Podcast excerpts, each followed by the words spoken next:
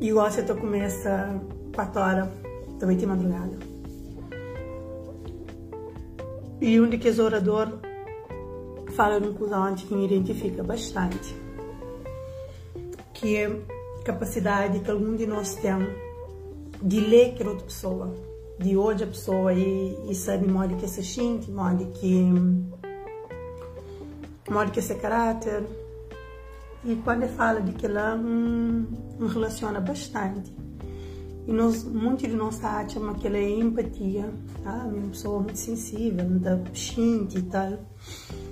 E quando explica, me entende totalmente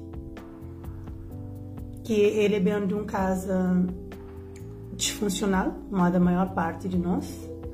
Seu pai era alcoólatra. Hi Indira, thanks. Um bom dia, sempre é tão bom receber. Então, eu só falava de aprende com 5 anos de idade a identifica modo que seu pai está chegando na casa. Se que pessoa que você vai entrar era seu pai alegre, que costuma brincar quase todo amoroso, ou se era seu pai bêbado, que era violento e que, que tinha que estar atento de maneira a alterar esse estado do humor que afeta ele, seus irmãos, sua mãe. E relaciona bastante. E esse aprende a ler com as pessoas, esse conversa e, e tenta avaliar na que estado emocional que a pessoa está, vendo o fato de, quando criança, não teve que prestar atenção na tudo adultos ao redor, para tentar ler e agir de acordo com o que você está apresentando a mim no momento. Mim também vem de um, de um lar uh, de alcoólatra, com tudo que esse problema que ela está carreta, violência física, violência verbal. Então, desde muito menino, desde sempre, desde então lembra, teve que ler modo que comportamento que a pessoa estava a ser para reagir, ou para proteger, ou para sucundir, ou, ou para tentar alterar com gracinhas, com, com evita, para tentar alterar esse estado de espírito para ser soltado, para, para que o outro que você criou viva. Então, muito daquilo que nós notamos, a minha empatia, na verdade, é resultado de traumas que não teve em criança. E hoje em dia, não está aplicando e querer usá-la em favor. Foi um mecanismo de sobrevivência por muitos anos. E hoje em dia, o fato de estar sempre conectada, ligada, te observa, te mide temperatura, te palpa terreno, que já que é necessário, mas para sobrevivência pode, pode estar te ajudando em outros níveis, na, que engaja com pessoas que energia que direito, que que essa também acrescenta nada na minha vida, nem evita situações que sabe, mas pode estar pode ser tranquilo, gosta, mas de um bocadinho, se acabar a volta, se acabar a vir uma tempestade. Não avalia pessoas, sabe sim a presença se vai ser benéfica ou não. Então, hoje em dia, então, usa aquele mecanismo assim, sendo uma outra maneira, já é com um mecanismo de sobrevivência, mas é um uh, gatilho de escolhas. Não pode escolher se criou bem naquela direção lá. Então, olha que, olha que pessoas está falando, uh, meio sensível, meio empático, também é uma maneira de essa assessora se a pessoa já lida com esses, desculpa, se a pessoa já lida com esses traumas. Se a pessoa se sente mas aquela empatia, empatia, também de algum assunto não resolvido lá atrás. E olha quem está bem, deixa eu ver se está fala de minha passada, de dura até, está fala de minha história. A maior parte dos comentários é claro, ah, fixe e tal, só te ultrapassa, só tem cara, mas grande parte também é, deixa passado na passado grande, comentários, mas é que aparece. Grande parte de pessoas é, ah, está passado, ah, o que passou, passou, o que interessa é o presente, o que interessa é aquele segredo, o que interessa é isto, é aquilo.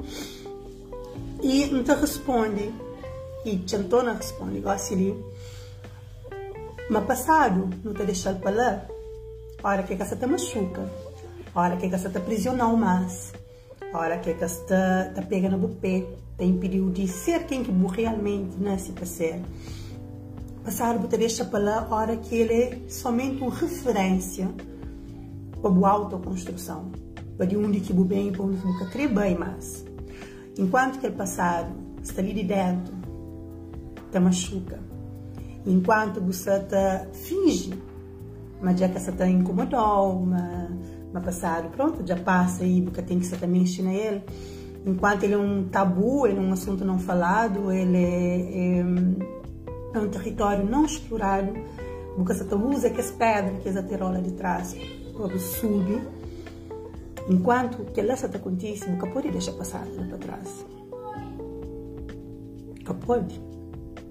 Botei sim que vai. E tem alguém, quando começa a jornada de você fala de mim, você fala de minha história, você tem cara minha passada, tinha alguém falando, ah, mim também aconteceu aquele, ah, a mim também quero fazer essa caminhada, ah, mim também, a minha história é triste. Falou, ok, já não reconhece, mas, mas não teve machucado, e não estuda ser humano, não tem machucados. Agora, está disposto a trabalhar aqueles machucados? E se alguém fica para caminho, para morrer de medo. Uma grande parte é para morrer de medo. Medo do quê? Medo de que a situação lá de trás machuca o tanto quanto machucava quando acontece. Medo de falar em voz alta, tal e tal coisa condição. Medo de encarar aquela vergonha, uma nota fica com vergonha, sendo que culpa foi de nós. Medo de encarar aquela culpa, na verdade. Medo de pôr frente a frente e fazer não te sente vergonha, não te sente culpa, não te sente desarmonizado. Medo, medo de falar em voz alta nos dor. Medo de trazer aquele machucado que está ali dentro, que acabou no lugar. Mas medo de trazer à tona para não ressignifica, é que para não vive na ela, é que para não chafurda na ela, é que para não justifica ou dá desculpa riba dela. É sim para trazer, não flui, mal não está sempre, para não trazer aquele penso rápido que não pode riba aquele machucar, para de fato não tratar, não curar, não passa betadinha, não põe mais pomada, não faz curativo, não traz aquele outro dia, e aos poucos bate seca. Mas não, não está chama passado dele fica lá de trás, só de medo de encara o que acontece lá. E grande parte de comentários se nesse sentido de hum, o que deixa passado. Para deixa passado, de fato, lá de trás, é dia que pode falar dele sem o ódio em tirar água. É dia que pode falar, não sofre sem foi vítima, sim. Fazer, não fazer tal coisa que foi a culpa, que foi a culpa, independentemente de ser vítima, de ser agressor, mas dia que você consegue falar de que é a maior dor, sem zanga, sem mágoa, sem chora, falando como quem já pega aquele aprendizado e agora sim está pronto, a solta, liberta, Aquele dia ela profecia, eu sou uma pessoa de sucesso. Agora sim, eu sou vitoriosa. Aí sim, eu venci. Nunca venci a história, nunca venci nenhuma outra pessoa. Não venci mim mesma, não venci minha mãe, não venci minha dor, não venci minha trauma. Aí sim. E para mim, que ela que deixa passado. Minha passado fica lá. Como hoje em dia, já que ela comanda as decisões. e um poder. Até mais, amor. Viu? Veja!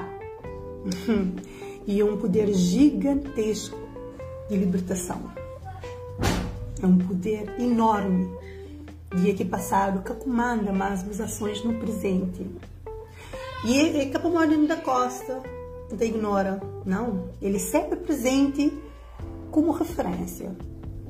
Olha, se estou aquela lá e sofrida, doída lá, nunca mais. Se estou aquela lá e vítima lá, nunca mais. Estou aquela lá e sobrevivente, nunca mais. Aí sim, que lá para mim deixa passado lá de trás. Eu usá-lo como construção de mim mesma e não como desculpa, como justificativa. Ah, para morrer tal e tal acontecendo, por isso que tal e tal e tal caminho, por isso que tal e tal decisão. Não, para morar tal e tal condição, que justamente para morar ela tem que ser assim esse caminho demais. Mora que se bem lá de trás, é que se bem gosta. E para o único que bem, que tem nada a ver com aquilo que lá de trás. Então, a hora que não prende usa passado, para não fazer, não tem poder de reconstruir, não tem poder de reinventar a cabeça.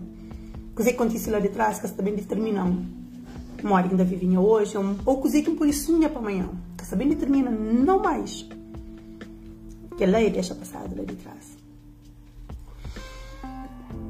E entende, entende, a maior parte de, de, de pessoas que estão comentando isso, o que tem interesse é como olha, nós não crê, só hoje é por positivo, tá? Nós não crê cara é a, a parte iluminada, a parte da tranquilidade, da paz, já gosta de ser direito, gosta de ser sereno, gosta de ser mentalmente estável, é só aquilo que não crê em cara.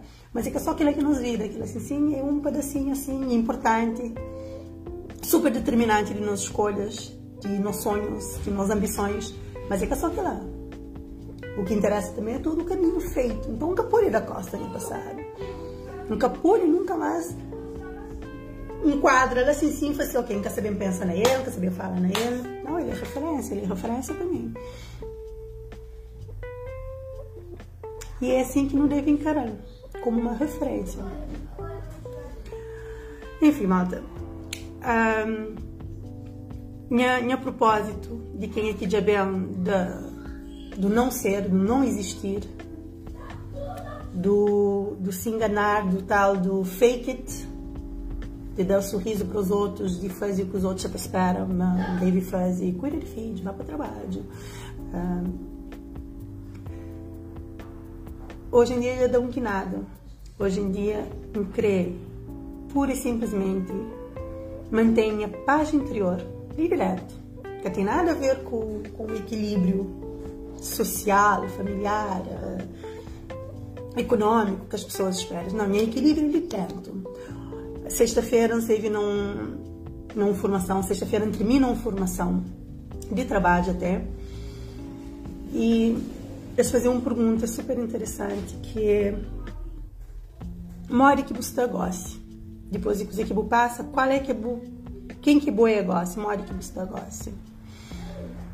E eu respondo, gosta de estar segura, mas problemas que você também para de ter, mas machucados que você também para. Mas mais certeza ainda tem uma coisa que foi atirado a mim, então resolve, então ultrapassa para mais doído, para mais machucado, para mais se sentir arranhado. Coisa que vem na minha direção, está na minha mão, mora quem tem caralho, mora quem está usando. Mora que pode ser benéfico, para mais mareado for. E mora quem está hoje, hoje está sente uma, que a menininha já foi salva, se segura. E uma que mulher tem direito a sonha, a reinventa a estabelece limites, a falar não, nunca quero conviver com o bo, não, nunca quero aquele tal caula, não, nunca se faz. A estabelece minhas limites, aprende a falar não. E escolhe quais os sims que eu, que eu quero dar. Não para, mal de nenhuma pressão, mas porque eu quero, porque eu sinto que devo. Um de que as maior coisa que entra de aquele evento que eu fazia ontem, que daqui a pouco também começa, e não tem direito a reinventar nossa cabeça na qualquer altura de vida que nos está. Não tem direito a reajusta, muda de opinião. Um, malta! Então! Não tem direito a, a, a recomeça o tantas vezes que for necessário, independentemente de onde que não está, cantando no tempo, quem que não está, não esse direito de muda, muda de opinião. Não, nunca se pensa assim mais. Não, nunca crê que ele mais. Que te importa se ele tem 40 anos a fazer, nunca se faz mais. Amor muda. Uma das maiores lições de ontem foi esse. Não tem direito a muda, a reinventa quem que me é e não tem direito a crescer relevante para mim, para pessoas ao meu redor. Não tem mais do que direito, não tem o dever de viver uma vida que é, que é pequeno, que é, que é mínimo, uma vida que te traz algum significado. E com base nesse direito, exerce esse, esse poder de fala. E é isso, meu bem. meus amores. Oi, Sérgio. Só assim, se eu estou em comentário, você entra. Hum. Meu dizer, meu direito de reinventa quem que nós é. Se o único que nós está, que está agrada, ou se o único que nós está, que está 100%, nós dizer, nós direito de reinventa. Ah, digo assim ser disponível para todo mundo. Todo alguém que chamar um bem, mesmo que aquilo significa corta um prazo de mim, não mais. Não quero. Modo Stormy Fluente. Novas regras. New rules. Não estabeleci hoje, que eu não espero para de não só hoje é dia, dia 4, para ele 26 dias, 27 dias, para não falar, ah, resoluções do ano novo. Não, começa já, começa agora. Novas regras. Nunca se também está tão disponível quanto antes. Novas regras. Nunca se bem deixa de fazer de meu como vai fazer de boa. Novas regras. Se buca se acrescenta na minha vida, sorry, nossa ligação termina ali. Novas regras. Se buca se aceita, meu percurso, seguir o caminho, está seguindo não novas regras. Nosso relacionamento de amizade, de amor. Caçata ajudou, caçata ajudão. Não tem que deixar. Novas regras. Já, agora. Que novas resoluções de regras para seguir. Não, você também fica até mais tarde para fazer esse trabalho. Oito horas por dia, oito horas por dia. Olha, num belo dia que eu me for, não, não se substitui, não vai. Mas minha família que eu consigo substituir. Novas regras. Já agora. Novas regras, nunca saber vive base na expectativa de dizer que minha família se espera de mim, minha namorada se espera de mim. Novas regras já, agora. Novas regras, nunca saber conecta com nada que é negativo, com um fofoca, com um diz que diz, com um leva atrás. Novas regras. Você também engaja, você também tem energia, só coisas que é bom te ajudam a ser melhor, não que te apaguem a existência. E para que lá, se tiver pessoas que te perdem acesso à minha vida, que seja assim. Mas é só que não vida ali que então, nunca tem outro. Então, como a Marinha sabe viver minha vida em função de quer que boa a nossa direito, se me já tem mais outra tentativa, só que ali. Deixa em opinião conta deste meu instinto guiando. Novas regras já, agora. No bem implementa. Um passinho de cada vez. É que revoluciona jogar o balde. Foi agora para dividir os dias para tornar bem naquele mesmo comportamento. Não. É pequenos passos no dia a dia. Novas regras já. Nunca se bem nem só para comer um bolo. Nunca se bem nem só para comer um pizza inteiro. Nunca se enchente nem sopa seca, três, quatro garrafas de vinho assim semana. Novas regras. Não sabemos cuidar desse templo de Ascensão. Não pode também venerar e manter imaculado. Não sabemos fazer é melhor que não pode agora, no momento. Ovo. Novas regras, sim, Sérgio.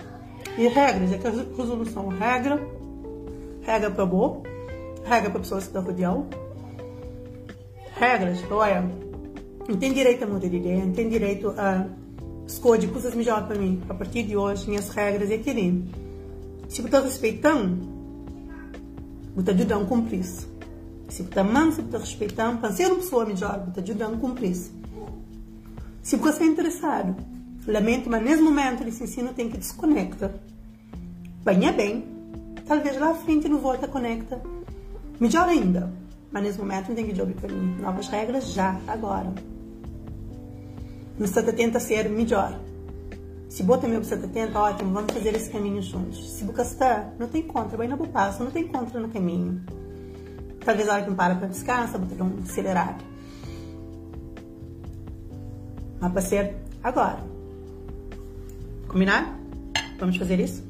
Novas regras. E é isso, mantinha. Faltando meia hora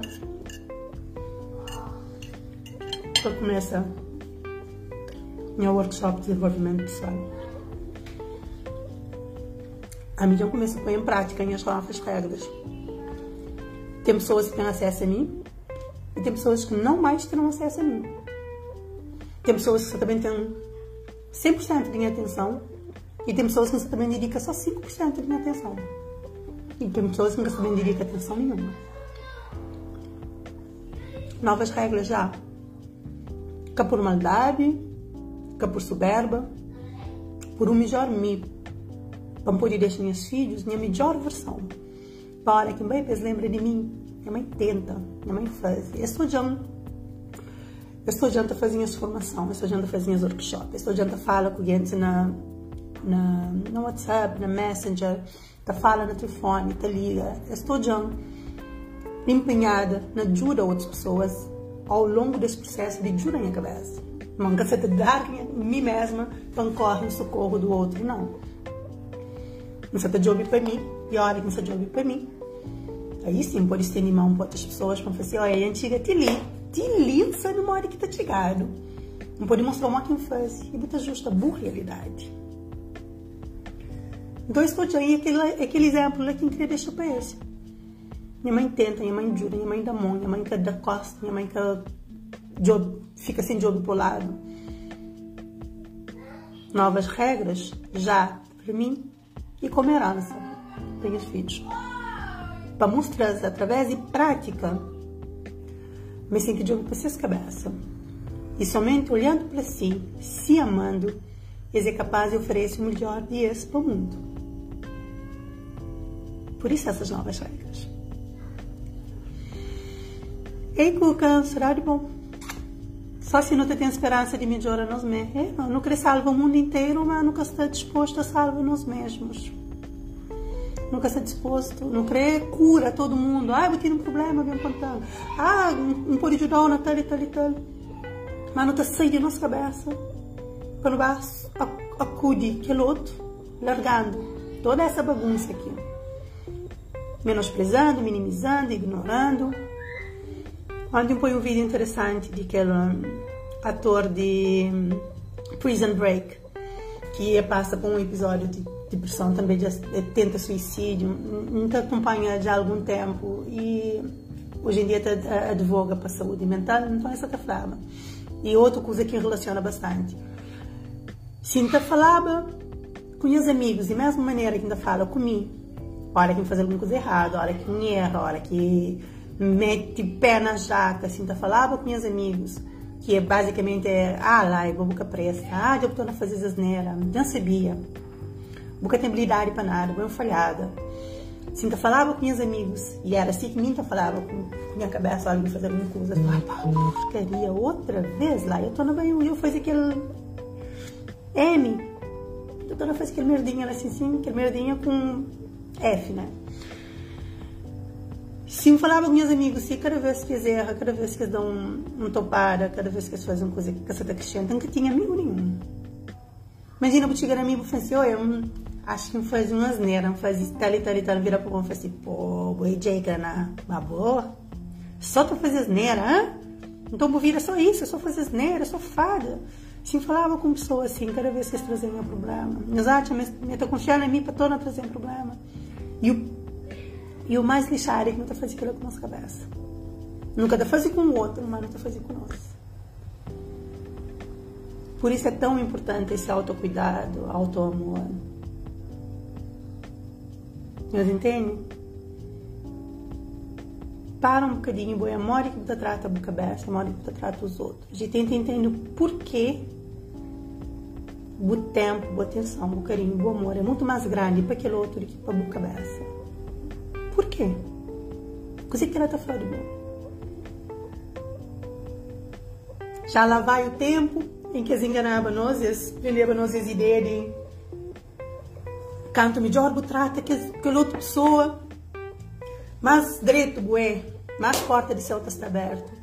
Só que eles ocultam, ou eles põem na lepra muito pequenote, mas olha que lepra também no contrato. Eles põem muito pequenote de, mas para dar tanta atenção e trata tão bem os outros assim, tem que sair de boa. Eu tenho que esquecer a cabeça.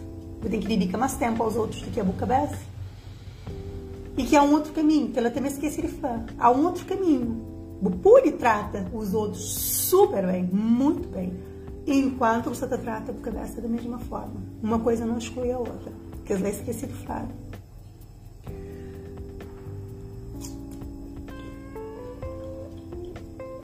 Amar ao outro como amas a ti mesmo, não é? E nunca só te dizeres. Não te lembra só das, dos outros mandamentos. Amai o próximo como a ti mesmo.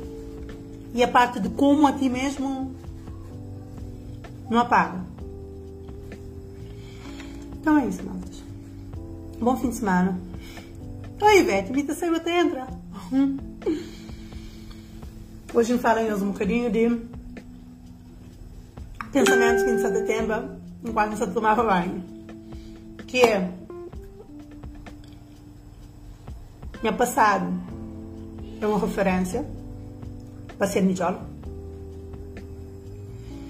Nunca te trancar atrás para fingir, mas nunca existe. Nunca te deixa de falar, nunca te finge. Nunca passa por tudo que ele passa. Novas regras na minha vida que já vêm sendo implementadas aos poucos. Mas é novas regras ditas e, e, e adianta só no ter novas regras. É ter e exercê-las. É só não põe num papelzinho bonitinho novas resoluções, é ter e exercer novas regras, sabe? E ama o outro através de mim. Cacei de mim para amar outro. Considera o outro, crê o bem-estar do outro através de mim, através de minha bem-estar, através de minha paz interior nunca ignorando-me como aquele outro. Ok? Também emerge agora outra vez na minha formação. Esse é um sábado sereno de reflexão. Que esse fim de semana trazem as coisas boas. Um ponto de partida para o já, para o agora. Eu não espero da hora que 2022 vem para o a situação tá, tá negra. A moda brasileira foi essa mistura de fim de ano com fim do mundo. Não tá muito legal. Não fazer as resoluções agora, para não influenciar, more que 2022 você tiga na nós. Não more que essa corre, não more que você tiga na nós. Ok? Hum. Beijão. Bom fim de semana. Obrigada, Sérgio. Nós chegamos por elas.